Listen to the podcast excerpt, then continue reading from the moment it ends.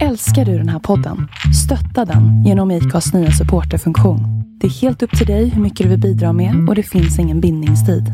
Klicka på länken i poddbeskrivningen för att visa din uppskattning och stötta podden. Millions of people have lost weight with personalized plans from Noom, like Evan, who can't stand salads and still lost 50 pounds. Salads, generally, for most people, are the easy button, right? For me, that wasn't an option. I never really was a salad guy. That's just not who I am. But Noom worked for me. Get your personalized plan today at Noom.com.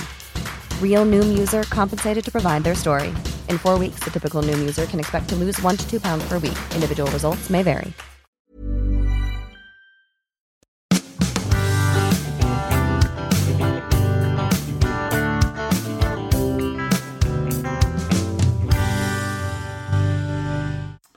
Är du redo? Är du ju aldrig, men det är du ändå på något sätt. Ständigt. Ständigt. Man skulle kunna ta det på latin också. Ja, Semper fideles. Som inte betyder riktigt alltid redo. Utan något bättre, alltid trogen. Alltid trofast. är det det som de här äh, marinsoldaterna säger? Semper Fi? Semper Fi. Eh, det har ju de norpat, men de är ju inte först naturligtvis. De bara tycker sig ha... Men det är ju lite USAs grej. Att ta någonting från andra hela tiden. Ja. Och, Och sen- gärna något europeiskt, gärna något med lite kaliber. Och latin passar in där. Ja, och då... Och sen äh, så äh, säger de alltid It's the American way. jo, jo, jo, men det ingår i lillebror-komplexet eh, som är ständigt närvarande.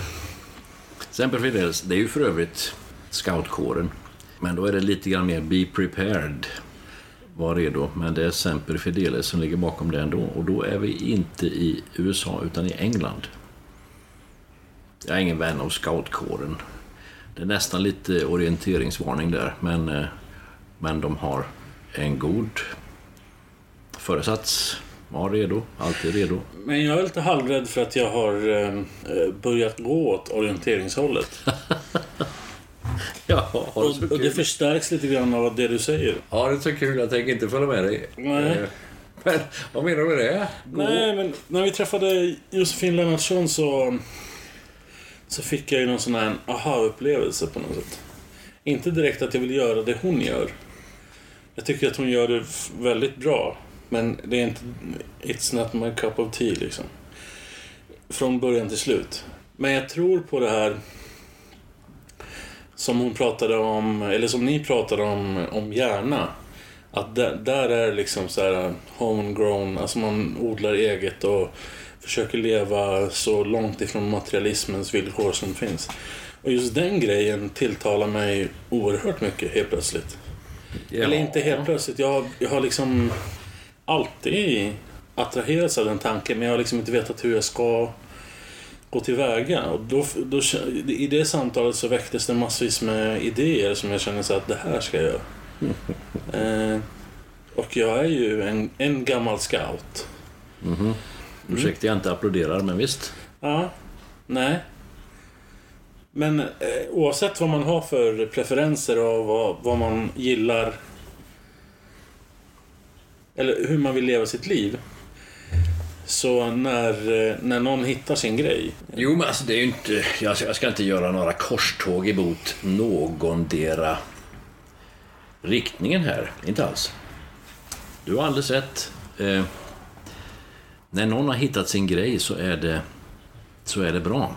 Och möjligen också personligt uppbyggligt och givande och ta vad du vill för den individen.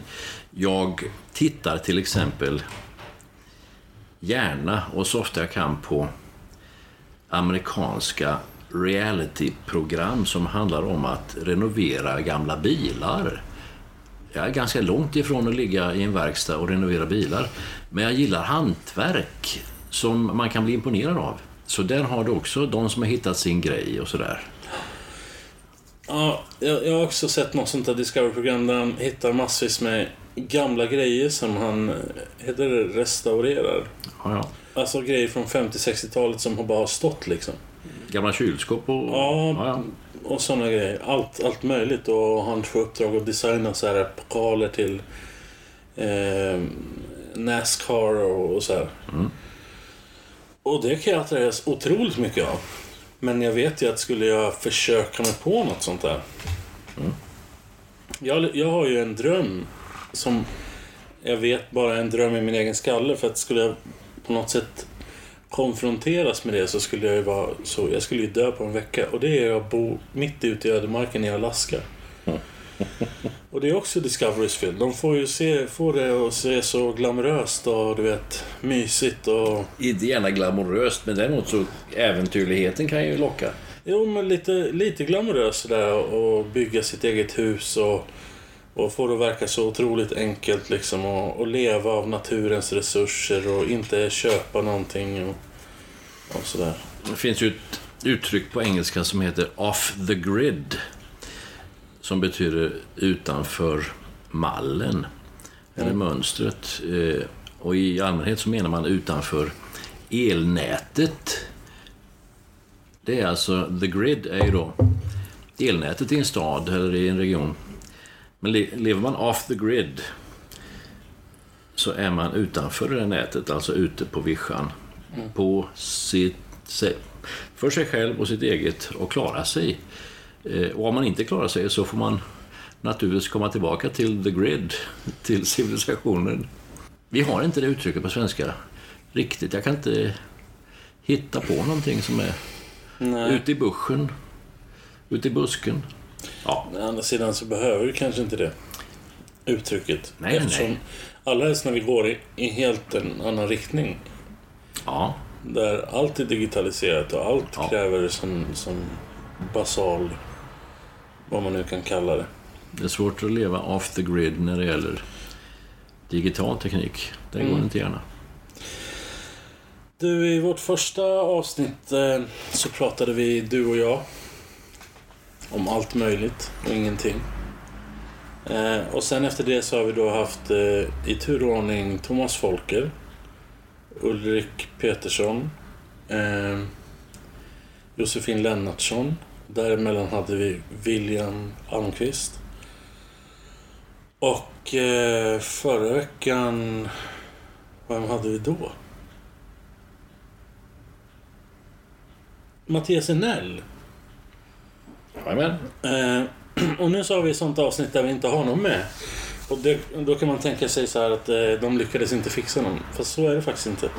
Utan vi tänker att det finns lite tid att reflektera över det vi har, de vi har träffat och det vi har fått höra.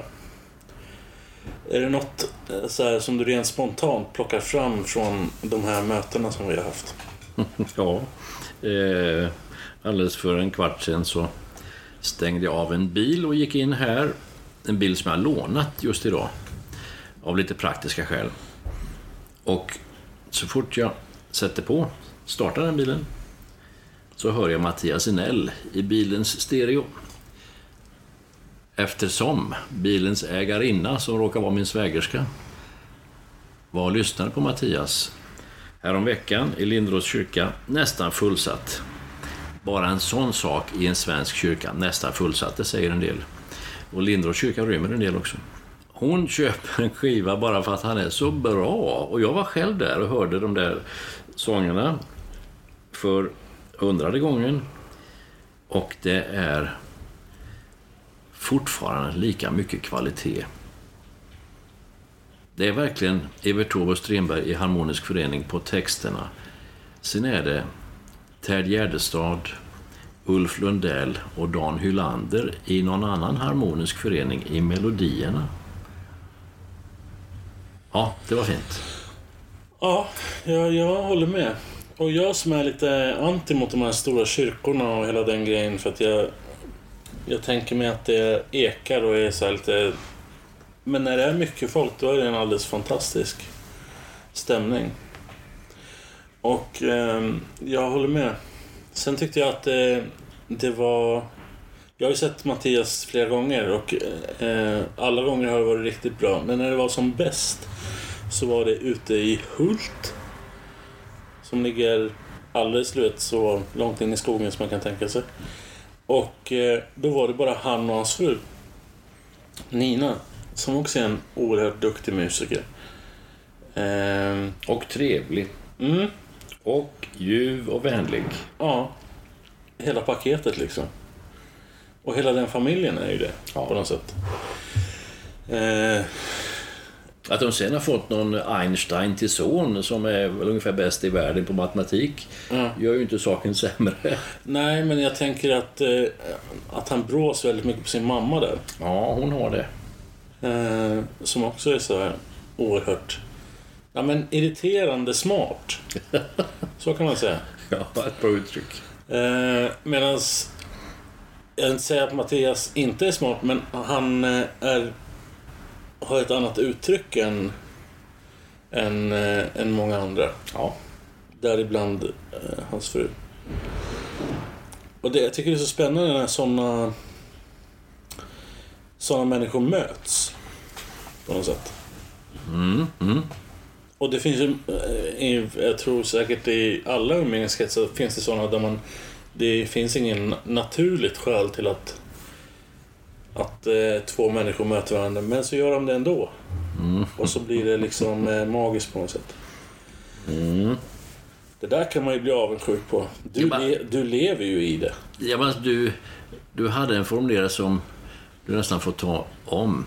Det finns inga naturliga skäl till att två människor möts, men så möts de ändå. Ja, men alltså det finns inga, ingenting som så här, när man tittar på dem som så här, de hör ihop liksom. Men så gör de det ändå. När man ser dem tillsammans så förstår man så här. Alltså förstår du, man, om man ser två individer så tänker man så här. Inte, den första tanken är inte att ja, men de där två är gifta. Mm. För det tog mig ganska lång tid att, att klura ihop att Nina och Mattias var gifta och hade barn och, mm. och hela den grejen. Men sen när man ser dem tillsammans, då är det hur naturligt som helst. På något sätt. Och du lever ju i det där. Jag menar, din fru är ju en tia och du är i bästa fall en fyra liksom. Mm. Och, eh, men sen när man ser er tillsammans, ja men då blir ni 17 ändå liksom. Mm. 10 plus 4 blir 17. Du, det var Guds matematik igen. Ja. Jag gillar tanken. Eh, oh ja, för 17. Jag kan nog sträcka mig till en... Jag kommer att tänka på en dålig film från tidigt 80-tal. När det var väldigt nytt med videoband och när det inte ens var färdigkrigat om det skulle vara Betamax eller VHS. Sen blir det VHS till slut. Japanska Sony kör med Betamax eller, eller någon egen eh, Super Duper 8. Jag minns inte vilket. Det blir Philips VHS som vinner. Då kunde man hyra sig ett VHS-band. Jag gjorde det för en svensk dags räkning. Vi skulle ha det i en högstadieskola. Och då skulle vi ha en, en bra film och en dålig film. Och eh, eller, jag kommer inte ihåg den, den filmen som var bra, minns jag inte vilken det var. Men jag kommer ihåg den här som jag trodde var dålig. Jag hade inte sett den själv. Och så bara tog jag den på omslaget. Den hette Scruples. Scruples. Och när det inte är översatt till svenska så är det sånt där som har gått direkt till video, inte varit på bio bioevent och eh, massproducerat. Men det var Hollywood, det var, det var vackert, det var fint, det var snabba bilar. Eh, fast det var ingen actionfilm på något sätt, det var en, en romantisk film. Där och det är så smörigt och sött och Barbie och Ken-aktigt som man säckar ihop efter en stund. Så att jag valde rätt liksom när jag valde den som inte var bra. Men där finns det en formulering och det är dit jag vill komma. Huvudpersonen är en mycket vacker, fast fattig kvinna. Hon ser väldigt eh, elegant och New York-mässig, Östermalmsmässig om du så vill, ut. Och hon hittar någon 20-30 år äldre rik företagsledare. Och med amerikanska mått mätt rik företagsledare, det är ju, det är ju lite nivå. Allt nog. Hon, eh, hon blir lite halvnyfiken, faktiskt innan hon vet att han är så irriterande förmögen. Varpå hennes väninna frågar nyfiket, som alla väninnor gör. Vad är han? Mellan 1 och 10? He's a 12, säger hon då. Och den, den långa inledningen till ingenting leder mig bara fram till att min fru, she's a 12. Ja, Hänger du med? ja. Ja, från 1 till 10 så är hon en 12. Och, eh, men det blir fortfarande Guds matematik att det blir 17 till slut. Jo, jo, men min poäng är så att, att en individ kan vara en tia och vara tillsammans med någon som är en fyra. Och tillsammans, förmodligen i ert fall så är det Gunilla som höjer dig liksom. Håller med 100 procent. Eh, och eh, när två människor kompletterar varandra, då växer man. Och så är det i ditt fall och så är det och Mattias. Varför pratar vi om folks relationer? Ja, det var du som drog in det och sen hade vi Mattias som poddgäst. Det är klart vi pratar om det. Ja. Hoppas de inte blir upprörda att vi gräver i deras... Ja, du gräver inte, du bara sitter på första parkett och gör en recension. Det är vad du gör. Ja. Nej, det, det finns många såna eh, super couples i min närhet som jag är oerhört avundsjuk på. Eller inte avundsjuk, jag på något sätt stolt att jag, kan, att jag har såna människor som är så bra för varandra. Sen har jag ju naturligtvis otaliga exempel där jag ser människor som inte är bra för varandra.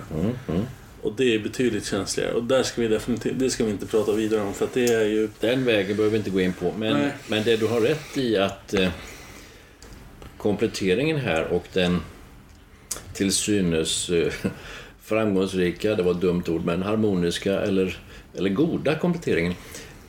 Den är ju värd att möjligen bara nämna för att den kan ge lite eh, vågor. Den kan ge lite inspiration. Den kan ge lite goda vibbar. Ja. Oh ja. Och vi eh, behöver fler. Det, jag menar, sådana människor som eh, du och Gunilla, Mattias och Nina och eh, blir ju, eh, vare sig ni vill eller inte, så blir ni ju i den bemärkelsen eh, förebilder. Någon att eh, ta rygg på liksom. Och är det någonting man behöver när man är lite som, som mitt liv har sett ut under flera år, att man är lite i limbo. Ibland funkar det, ibland funkar det inte. Så behöver man ju ta rygg på någon för att hålla fokus. Liksom. Och ehm, även inse saker man kan förbättra. Ehm, så, så Och att inse att det är inom räckhåll. Ja. Det gör man inte med dig och Gunilla. Ni, det, Sluta. nej, men alltså, ni är ju så eh, Sluta! unika så att det... Ja, nu går jag snart. Nej, det gör det inte alls. För då blir det en väldigt kort podd. Och det är inte våran grej. eh, sen finns det där naturligtvis på, i andra delar av samhället också.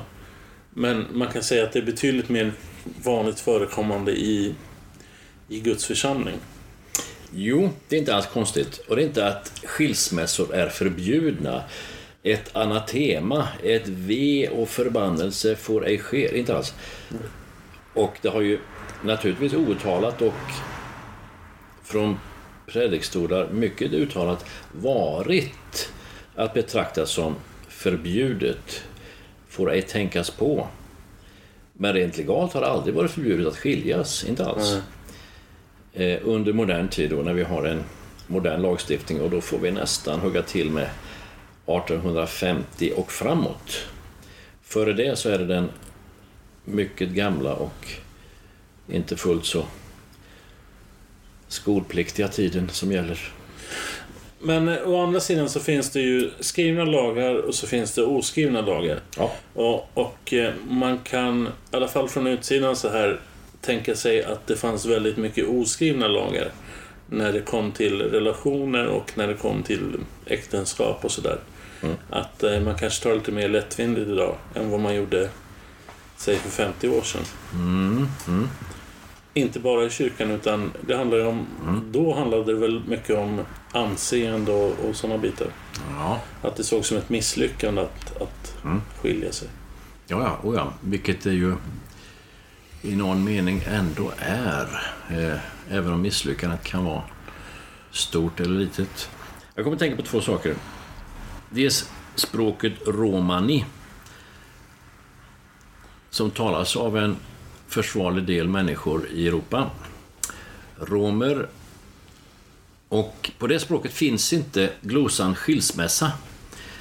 Så när två romani-pratare pratar och de nämner någonting om skilsmässan så får de säga det på det språket där de råkar bo. Om det skulle vara divorce eller skilsmässa på svenska eller eh, verschiedene eller vad det kan heta på tyska. Eh, något sånt där. Man får alltså, det finns inte naturligt i det egna språket. Av det skälet att tinget i sig finns inte. Skilsmässa bland romer är inte eh, fin, är inte befintligt, finns inte, existerar inte. Ja, men vad då tänker man. Vem är det som bestämmer? Ja, det är ju hela kollektivet i så fall. Eh, men det är inte så tokigt, det är inte så dumt.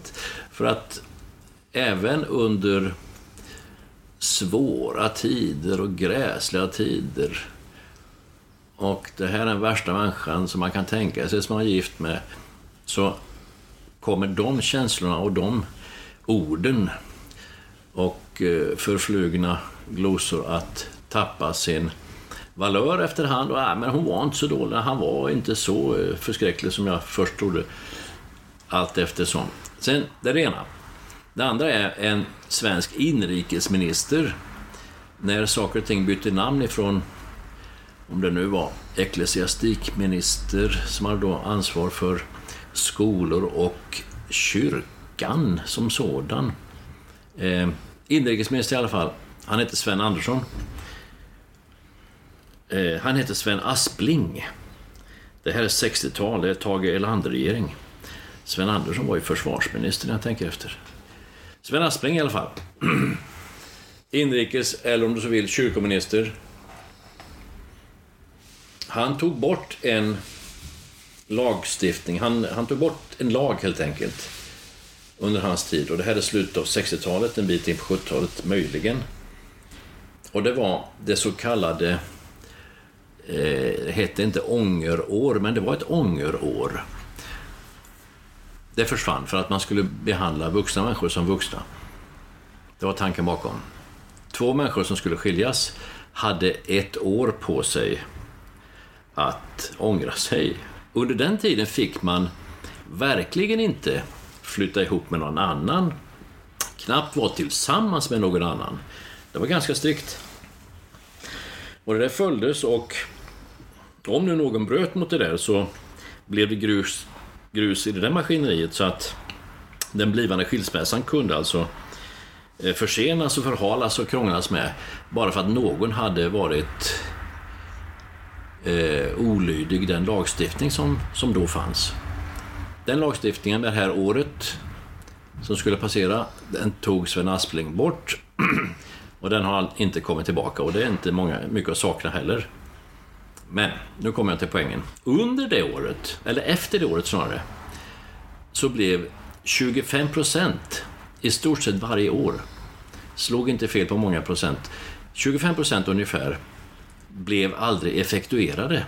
De blivande skilsmässorna som då hängde i luften under ett år, blev till 25 procent inte utförda. Man flyttade tillbaka igen. Ah, hon var inte så dålig. Nej, men han var inte så...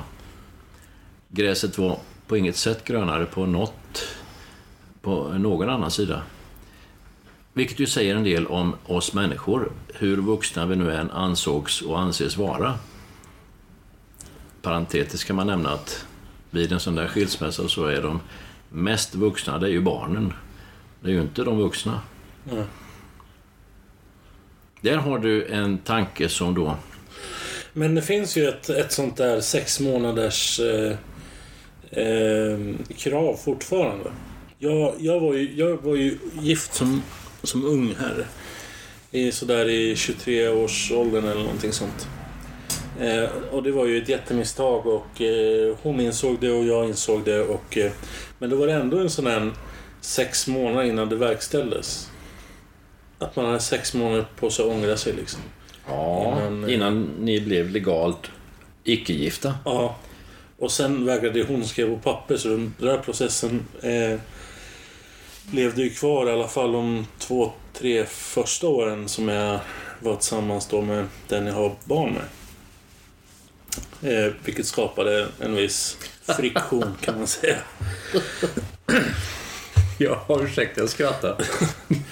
Eh, så att, eh, så, jag vet inte vad det kallas, eh, men, eh, men det finns i alla fall en sån här sex månaders. Sex månader, men du, du var inte tvungen att och sådär Nej, utan det var så här, det blir sex månader innan det blir, innan det vinner laga kraft? ja, Okej. för att man kan ju ångra sig. Ja. Man kan säga att den lagen inte var skriven för oss då. Utan vi, ja, nej. Eh, Jaha. mycket... Eh, vi gick från att träffas till att gifta oss på tre veckor. Mm. Och däremellan då var det ju, det här var ju en, en familj som tillhörde Jehovas vittnen. Mm. Så det var ju tre veckor av hårda studier för att eh, eh, sen få vittne. massa frågor och eh, Mm. svara rätt på dem och så. Så eh, det var en erfarenhet som jag inte gör om. I någon mån.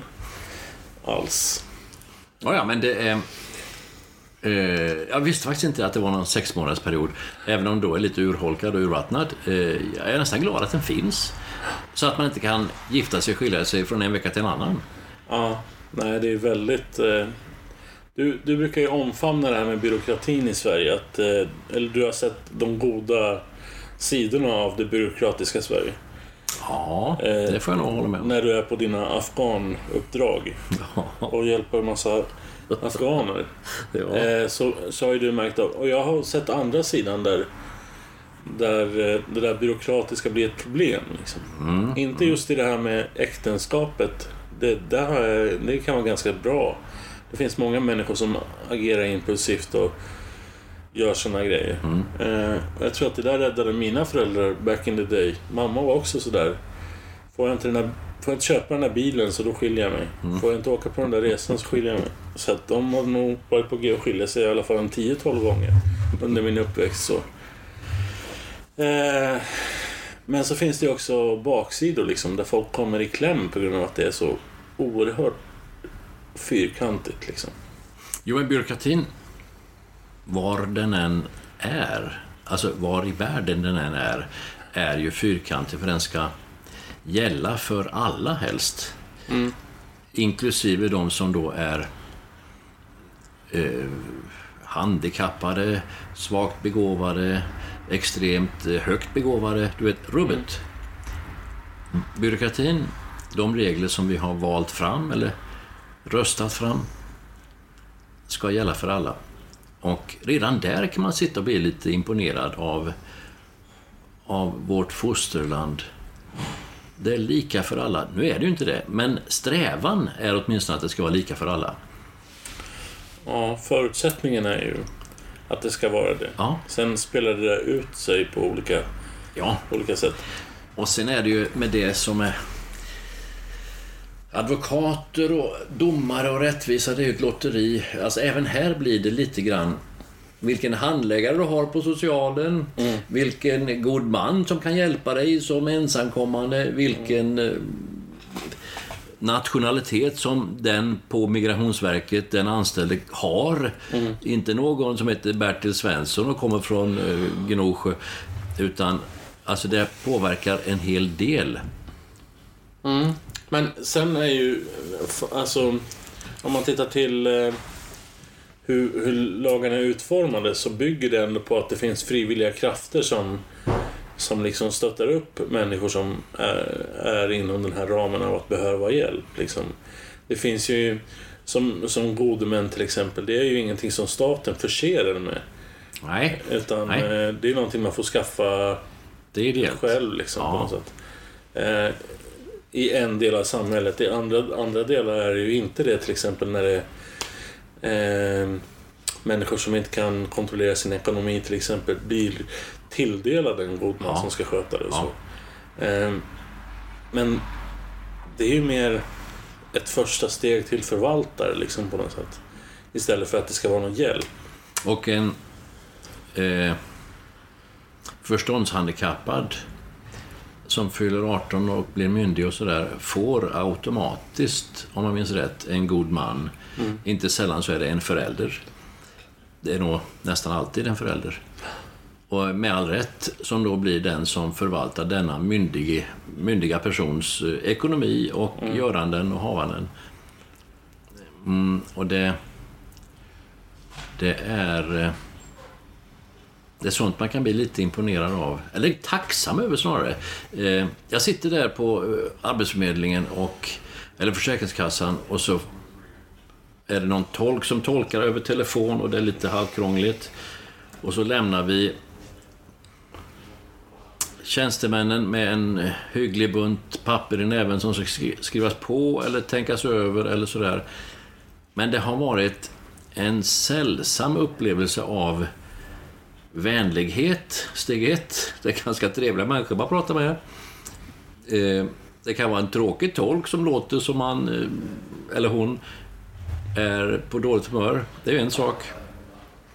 Men själva eh, människohanteringen, ett ärende, någon ska lära sig svenska, någon ska få en praktik på någon möbelföretag och sy klädsel till stolar. Eh, hanteringen av människan som då är här av olika anledningar är ganska hygglig och stabil och solid och okränkbar. Och man kan inte köpa sig fram. Man står och väntar på sin plats i kön. Allt det där svenska. Sen kan man ju bli irriterad att det är så långa köer, att det tar sån tid och mycket papper. men- Men det är en sak. Man, man får väga det mot att... Men det är lite det jag menar liksom. Om du tänker i ett stort rum, så om man tittar sig i, omvärlden så finns det liksom en ram för i alla länder. I alla, åtminstone de flesta utvecklade länderna. Men i Sverige så finns det ju liksom en lag eller regel för varje millimeter på väggen. Det är väldigt eh, byråkratiskt liksom. Och många gånger så är det för att det gynnar människor. Men ibland, som, i, som vi har sett i de här migrationsprocesserna, så, så halshugger man ju människor. snarare än att man hjälper dem. Ja. Så att det finns ju både... Jo, men även det är nere på handläggarnivå, tror jag. Alltså på personlig nivå eller mänskliga faktornivå, vilket du vill. Om någon vill krångla med den som söker, som ansöker, som eh, står där på andra sidan bordet. Om någon vill, om någon tycker att han eh, ser dum ut, eller någon tycker att han ser otrevlig ut, om någon har fel religion, om någon har fel hudfärg, för krulligt hår, för slät hår, så kan man som handläggare, som tjänsteman, alltid vara vrång. Utan tvekan. Så det är ändå nere på det personliga och på individnivån hos den som har de där reglerna och lagarna i sin verktygslåda. Och det är här Gud kommer in. För får man en handläggare som är helt... har tunnelseende, ser bara det byråkratiska. Då kommer man få ett problem. Alltså man kommer ha ett, ett, eh, en jobbig framtid. Men är det en människa som på något sätt ändå kan... Behöver inte vara superkristen men alltså ändå förstå att, det, så, att eh, det här spelar in en stor del i deras liv då, om vi pratar om afghaner nu i, i det här fallet. Ja, Så blir det en mycket mer humanare process. ja. ja. Det, och båda två behöver inte göra något tjänstefel. Nej. Men det kan leda åt diametralt motsatt håll. Ja.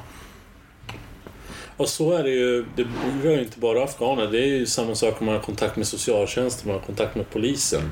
Om man har kontakt med skolan eller vad det än är i samhället, vilken institution du än väljer. eh, Så handlar det i grund och botten alltid om vilken typ av person du har att göra med. Om det är ett problem i skolan och du har en väldigt sträv och, och, och eh, opersonlig eh, rektor som du ska diskutera med så blir det ofta friktion. Liksom. Ja, ja. Men, är, ja, men är, är det då en, en rektor som ehm, vill ha en smidig process och tror att här kan vi göra någonting för att lösa liksom. Mm. Och inte stirra sig blind på siffror och sådana Mm. saker. Och våra rutiner säger att. Ja, och så där vidare. precis. Eh, då, då, då blir det en väsentlig skillnad liksom. Och framförallt så blir ju den som på något sätt har problemet, eller om man nu kommer som förälder till en rektor, eh, känner sig betydligt mer sedd. Och på det sättet också blir lättare för dem att hantera, eller liksom ja. situationen blir. Det här blir alltså en win-win-win situation i stort Mm. sett. Oh ja, jag håller med. Eh, alltså Gud i himlen kommer in i bilden där det är gott. Det är så. Eh, eftersom Gud rimligen är allting gott. Mm, vi läste ju eh, Galaterbrevet 6 i söndags i kyrkan, eller jag läste. Ja. Och i någon av de tio första verserna, jag är lite stolt att jag kan nu säga det här. Så står det att kan vi göra gott för människor så ska vi göra gott. Ja. Och ska man kunna applicera det, nu kommer vi aldrig att få eh, statlig bibelundervisning igen. Nej, det tror jag inte. Men skulle man på något sätt kunna applicera det på dagens skola, på dagens arbetsplatser, på dagens samhälle. Alltså det skulle vara en sån enorm attitydförändring i samhället. För, för så, sånt är ju ringa på vattnet om något. Ja. Mm, mm. Eh, Jag hade en grej idag eh, under en lektion. Jag skulle förklara ett ord för mina mycket utländska elever. Tre, fyra kanske nationaliteter eh, representerar de flesta från Syrien. Några från Afghanistan, några från Somalia. Säkert någon från något annat också. Och det var ordet ateist och ateism. Och jag bara skrev upp det och... Vad är det? Ja, ja, ja, ja. Då, då började jag säga, vänta en stund och förklara det här. Eh, de som inte tror på Gud. Va? Ja, ja. Om jag frågar dig, lilla Fadja, tror du på Gud? Ja, jag tror på Gud. Svarar hon naturligtvis på direkten. Ja, ganska likt förresten när jag härmade den där. Mm. Jag tänkte på det också. Ja, oh ja. Det var väldigt... Ja, mycket likt. Och, eh, därför att det är fullständigt självklart. Det är, det är inte ens fråga om modersmål, det är DNA-nivå på att tro att det finns något högre väsen som man kan kalla Gud. Så är det för dem. Ja, men här i Sverige är det inte riktigt så. Va? Ja, okej. Eh, man kan tro på ingenting. Nej, det lät så dumt när jag sa det så att jag var tvungen att ta det en gång till. Man kan tro på ingenting. Och det är ju fortfarande lika dumt nu när jag upprepar det. Det finns ingen himmel och det finns inget helvete. Nu råkade jag veta vad det hette på arabiska, så jag sa det också på arabiska. Det finns inte Jannah och inte Jehannam. Och redan när jag säger de där religiöst präglade orden så studsar de till lite grann. Det finns människor, jättemånga sådana här i Sverige, som inte tror på en himmel eller ett helvete. Allra minst på ett helvete. Och eh, efterhand så, det kanske tog tio minuter, men sen så hade de förstått vad ordet ateist och ateism var för någonting och att det finns de som... De tyckte förstås att sådana människor var dumma och hur i all världen kan man... eh, och så där vidare. Men nu var det så. Och eh, det, vi hade inga, inga dåliga vibbar, alltså det, mycket trevligt och liknande. Men det var så typiskt att i vårt land, där det är fullständigt självklart att det finns ateister, så var det för dem som nu sedan några år bor i detta land och försöker ta sig fram här på olika sätt och lära sig svenska under stor möda. För dem var det otänkbart att ateism existerade. Och de tyckte förstås att det var korkat även om de förstod vad det var. Men det är det, är det landet vi har som vi ändå kan vara lite stolta över, tacksamma över, glada över när man väl börjar krångla med byråkratin och med människor som jobbar i det här. De må vara hur mycket ateister de vill. Är det en hygglig handläggare, är det en hygglig människa som är polis, domare, ta något annat offentligt, riksdagsman för den delen, så är han inte opräglad av att han bor i ett land där Olof Skötkonung en gång var kung. Där hans son, som sen blev kung, Anund Jakob, är den första som har ett bibliskt namn, Jakob. Och framåt. Så den bibliska, kristna historiken, traditionen, arvet om du så vill, finns fortfarande i allt vi gör. Om det så bara är röd gubbe eller släppa förbi någon i en rondell, så är det kristet. Det är inte bara humanistiskt, för det är mycket, mycket senare.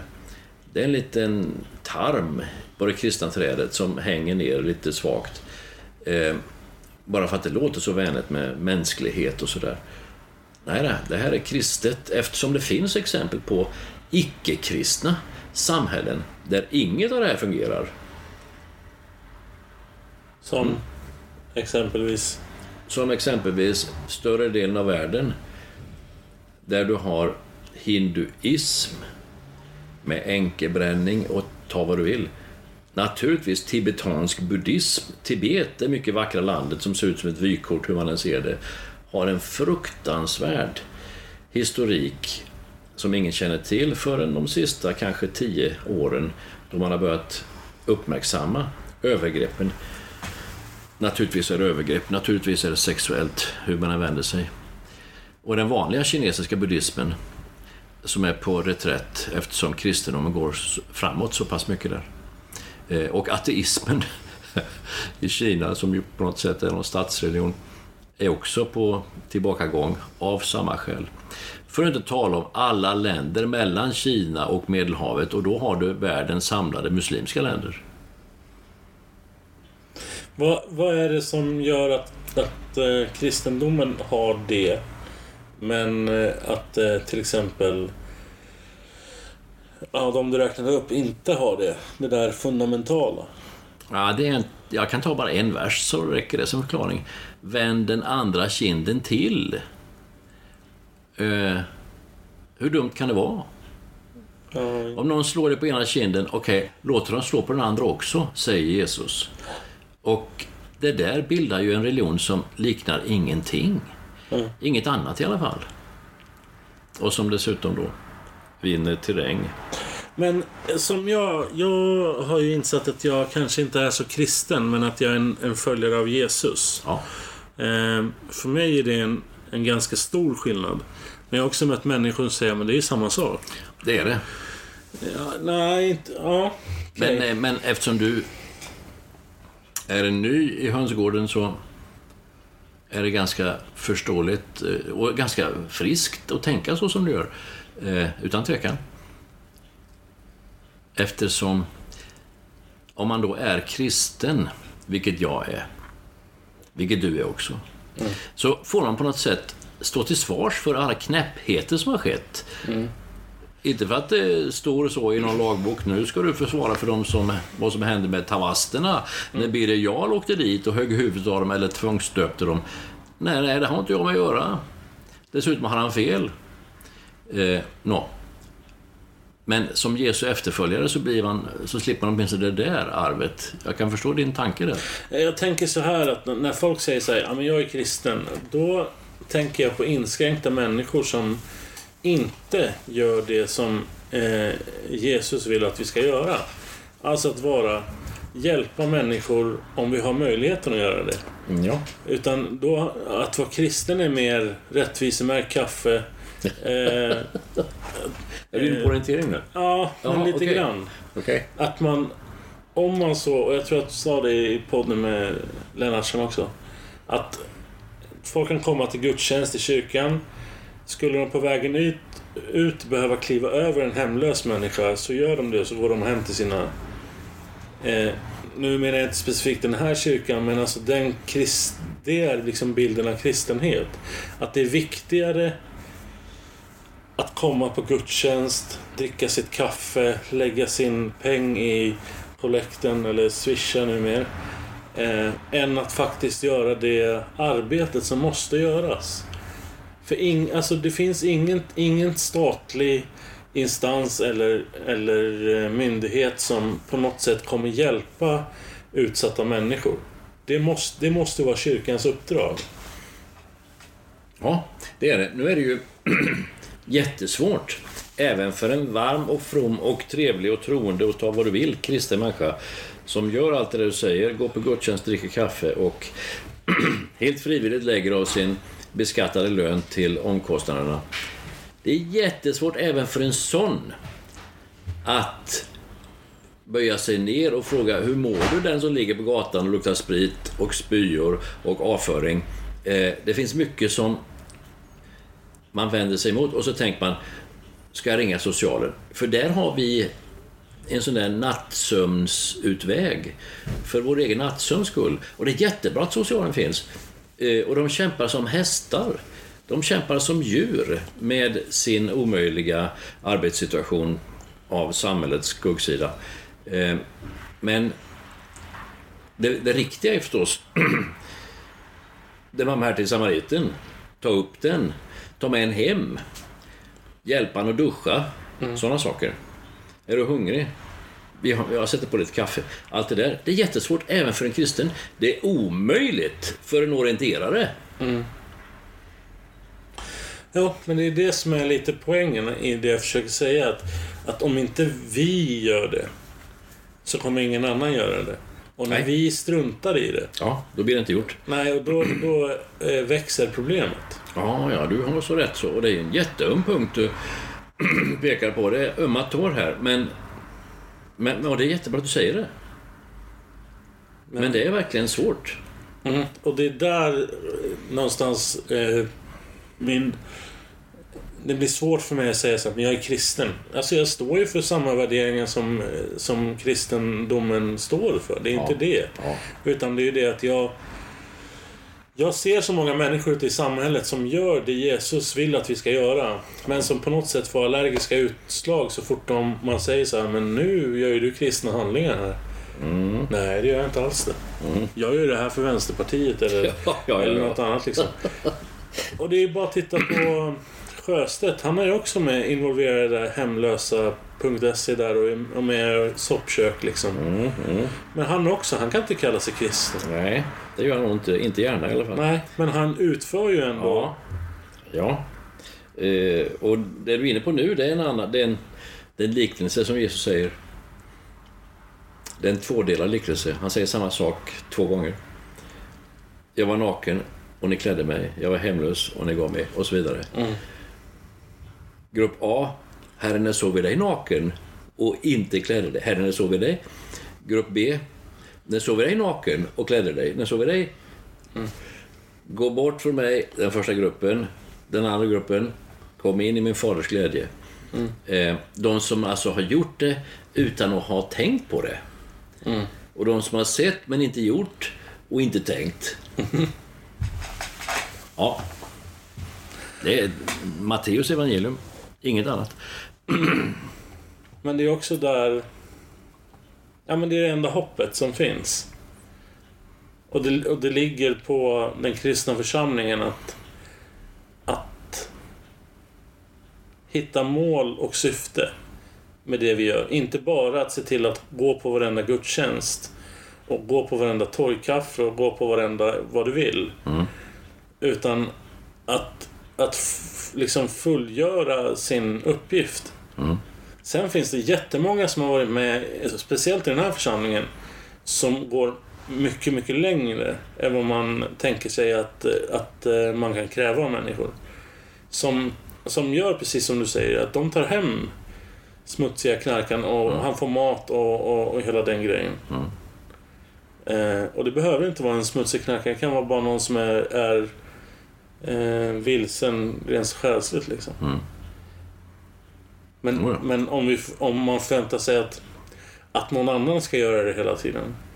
Då har vi ett problem som är större än det vi... Ja, alltså då får vi bara ett växande problem. För då blir det socialen och deras överarbetade stackars kvinnor som ska göra allt det där. Ja. Och det funkar inte. Jag ställde en fråga till en socialsekreterare av den gamla stammen. Det vill säga lite 70-talsvänster. Jag var uppe på socialkontoret i något ärende, jag minns inte vad. Och så, så ställde jag frågan om eh,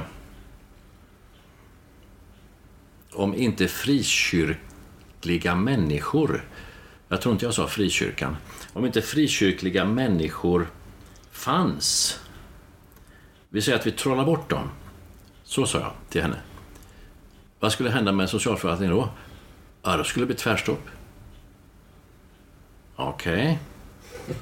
Ja, ja. Det var ungefär vad jag trodde, men jag tänkte inte hon skulle svara så direkt och öppet. Och... Ja, men det är ju så väldigt få frikyrkliga människor i hela Sverige. De flesta är inte det. Det finns förresten siffror på det där från 80-talet, men de stämmer säkert och det är 4 procent. Nu är det säkert strax under 4 procent.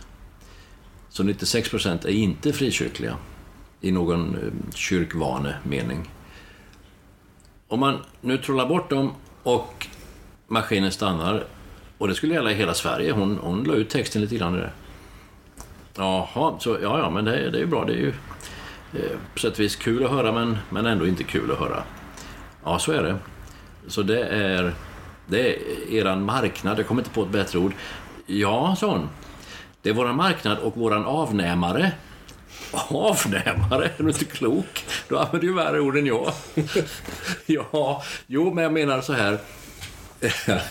alltså, vi har nytta av frikyrkliga människor i socialtjänsten i hela Sverige. Hon, hon kunde verkligen tala för, med viss erfarenhet, decenniers erfarenhet, för sitt arbete. Och så var det då det här med avnämare. Alltså de som, de som eh, man placerar bråkiga elever, skoltrötta flickor, de som har börjat med narkotika allt för tidigt i sin, i sin ungdom. Det blir också hos frikyrkliga, snälla pingstvänner i det inre av Norrland och så vidare. Det var avnämarna. Eh, och även det då, det tänkte jag inte på, men det var alltså en tudelad tjänst som dessa fåtaliga frikyrkliga människor gjorde för socialtjänsten i Sverige. Och väldigt stora ord egentligen, men jag citerar i stort sett bara vad hon sa. Det konstiga i det här kanske att jag inte är så förvånad. För jag har också haft min beskärda del av socialtjänstens eh, handläggare i, i ett eller annat forum. Och eh, bara utifrån lokal eh, kännedom så skulle ju eh, de går ju redan på knäna den, den delen liksom, rent ekonomiskt. Så eh, de skulle ju onekligen själv dö. Om, om eh, kyrkorna här bara bestämde sig för att nej, nu använder vi pengarna till något roligt istället. Så att det, det finns en... Men jag är förvånad att de är så ärliga med det. Ja, alltså hon var nog något ärligare än hon hade tänkt. Möjligen för att jag överrumplade henne med min fråga. Det är tänkbart. Ja. Men jag tror att det var ett ärligt svar och ett ganska underbyggt svar också. Att det här är hennes erfarenhet sedan 30 år i socialtjänstens eh, gärning. Jo, men jag tänker ändå att eh, finns det liksom eh, konsensus i, inom socialtjänsten att så här är det? Eller är det en, Nej, det är en sån där tyst överenskommelse, tyst eh, acceptans. Det är ingen som mm, nominerar till Nobelpris för det där. Det, det talas inte ens om på fredagsfikat, jag är säker på det. Ja. Utan det bara är något som finns. ja. Hörru du, Ja. eh, så här kul kan man ha en timme. Du får eh, ta sig ihop det här. Jag misstänkte det. Jag brukar få den där underbara uppgiften och till mitt försvar får jag säga att jag är lika oförberedd som, som jag är varje gång. Men det här blir lite grann andra kinden till igen. Fast nu blir det Paulus. I Paulus brev till romarna. Ett dokument, en bok, ett brev som har ändrat mycket i världshistorien. Romarbrevet 3, kapitel 8. Alltså det är kardinalställen. Men jag ska ta från kapitel 12. Då står det så här. Det är massa eh, synpunkter Paulus skriver till romarna. Hur de ska göra, hur de ska leva, hur de ska vara. Och så skriver han så här. Signa dem som förföljer er. Punkt. Välsigna, förbanna inte. Punkt. Det är en enda, en enda vers. Välsigna de som förföljer er. Välsigna, upprepar han, förbanna inte. Ja, vad är det för en lustreligion? Ja, han gör bara sig till tolk för det Jesus sa med sin andra kind där. Eller de två grupperna som då inte hade gjort det de skulle och de som hade gjort det de skulle.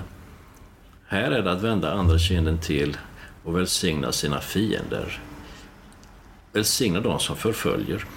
Den som förföljer vill man ju slå ihjäl. Eh, ta död på. Det är liksom det normala mänskliga sättet. Han är död. He has gone to see his maker. He has ceased to exist, för att uttrycka det med Monty Python. He is no more. Men eh, Paulus säger, precis tvärtom, välsigna de som förföljer er. Förbanna inte, välsigna. Eller ska man tänka att Paulus tänkte så här, killing, kill them with kindness. Kill them with kindness. Det är nog en annan översättning, det tror jag. Ja. Men man kan säga att det är ändå eh, kontentan av det hela.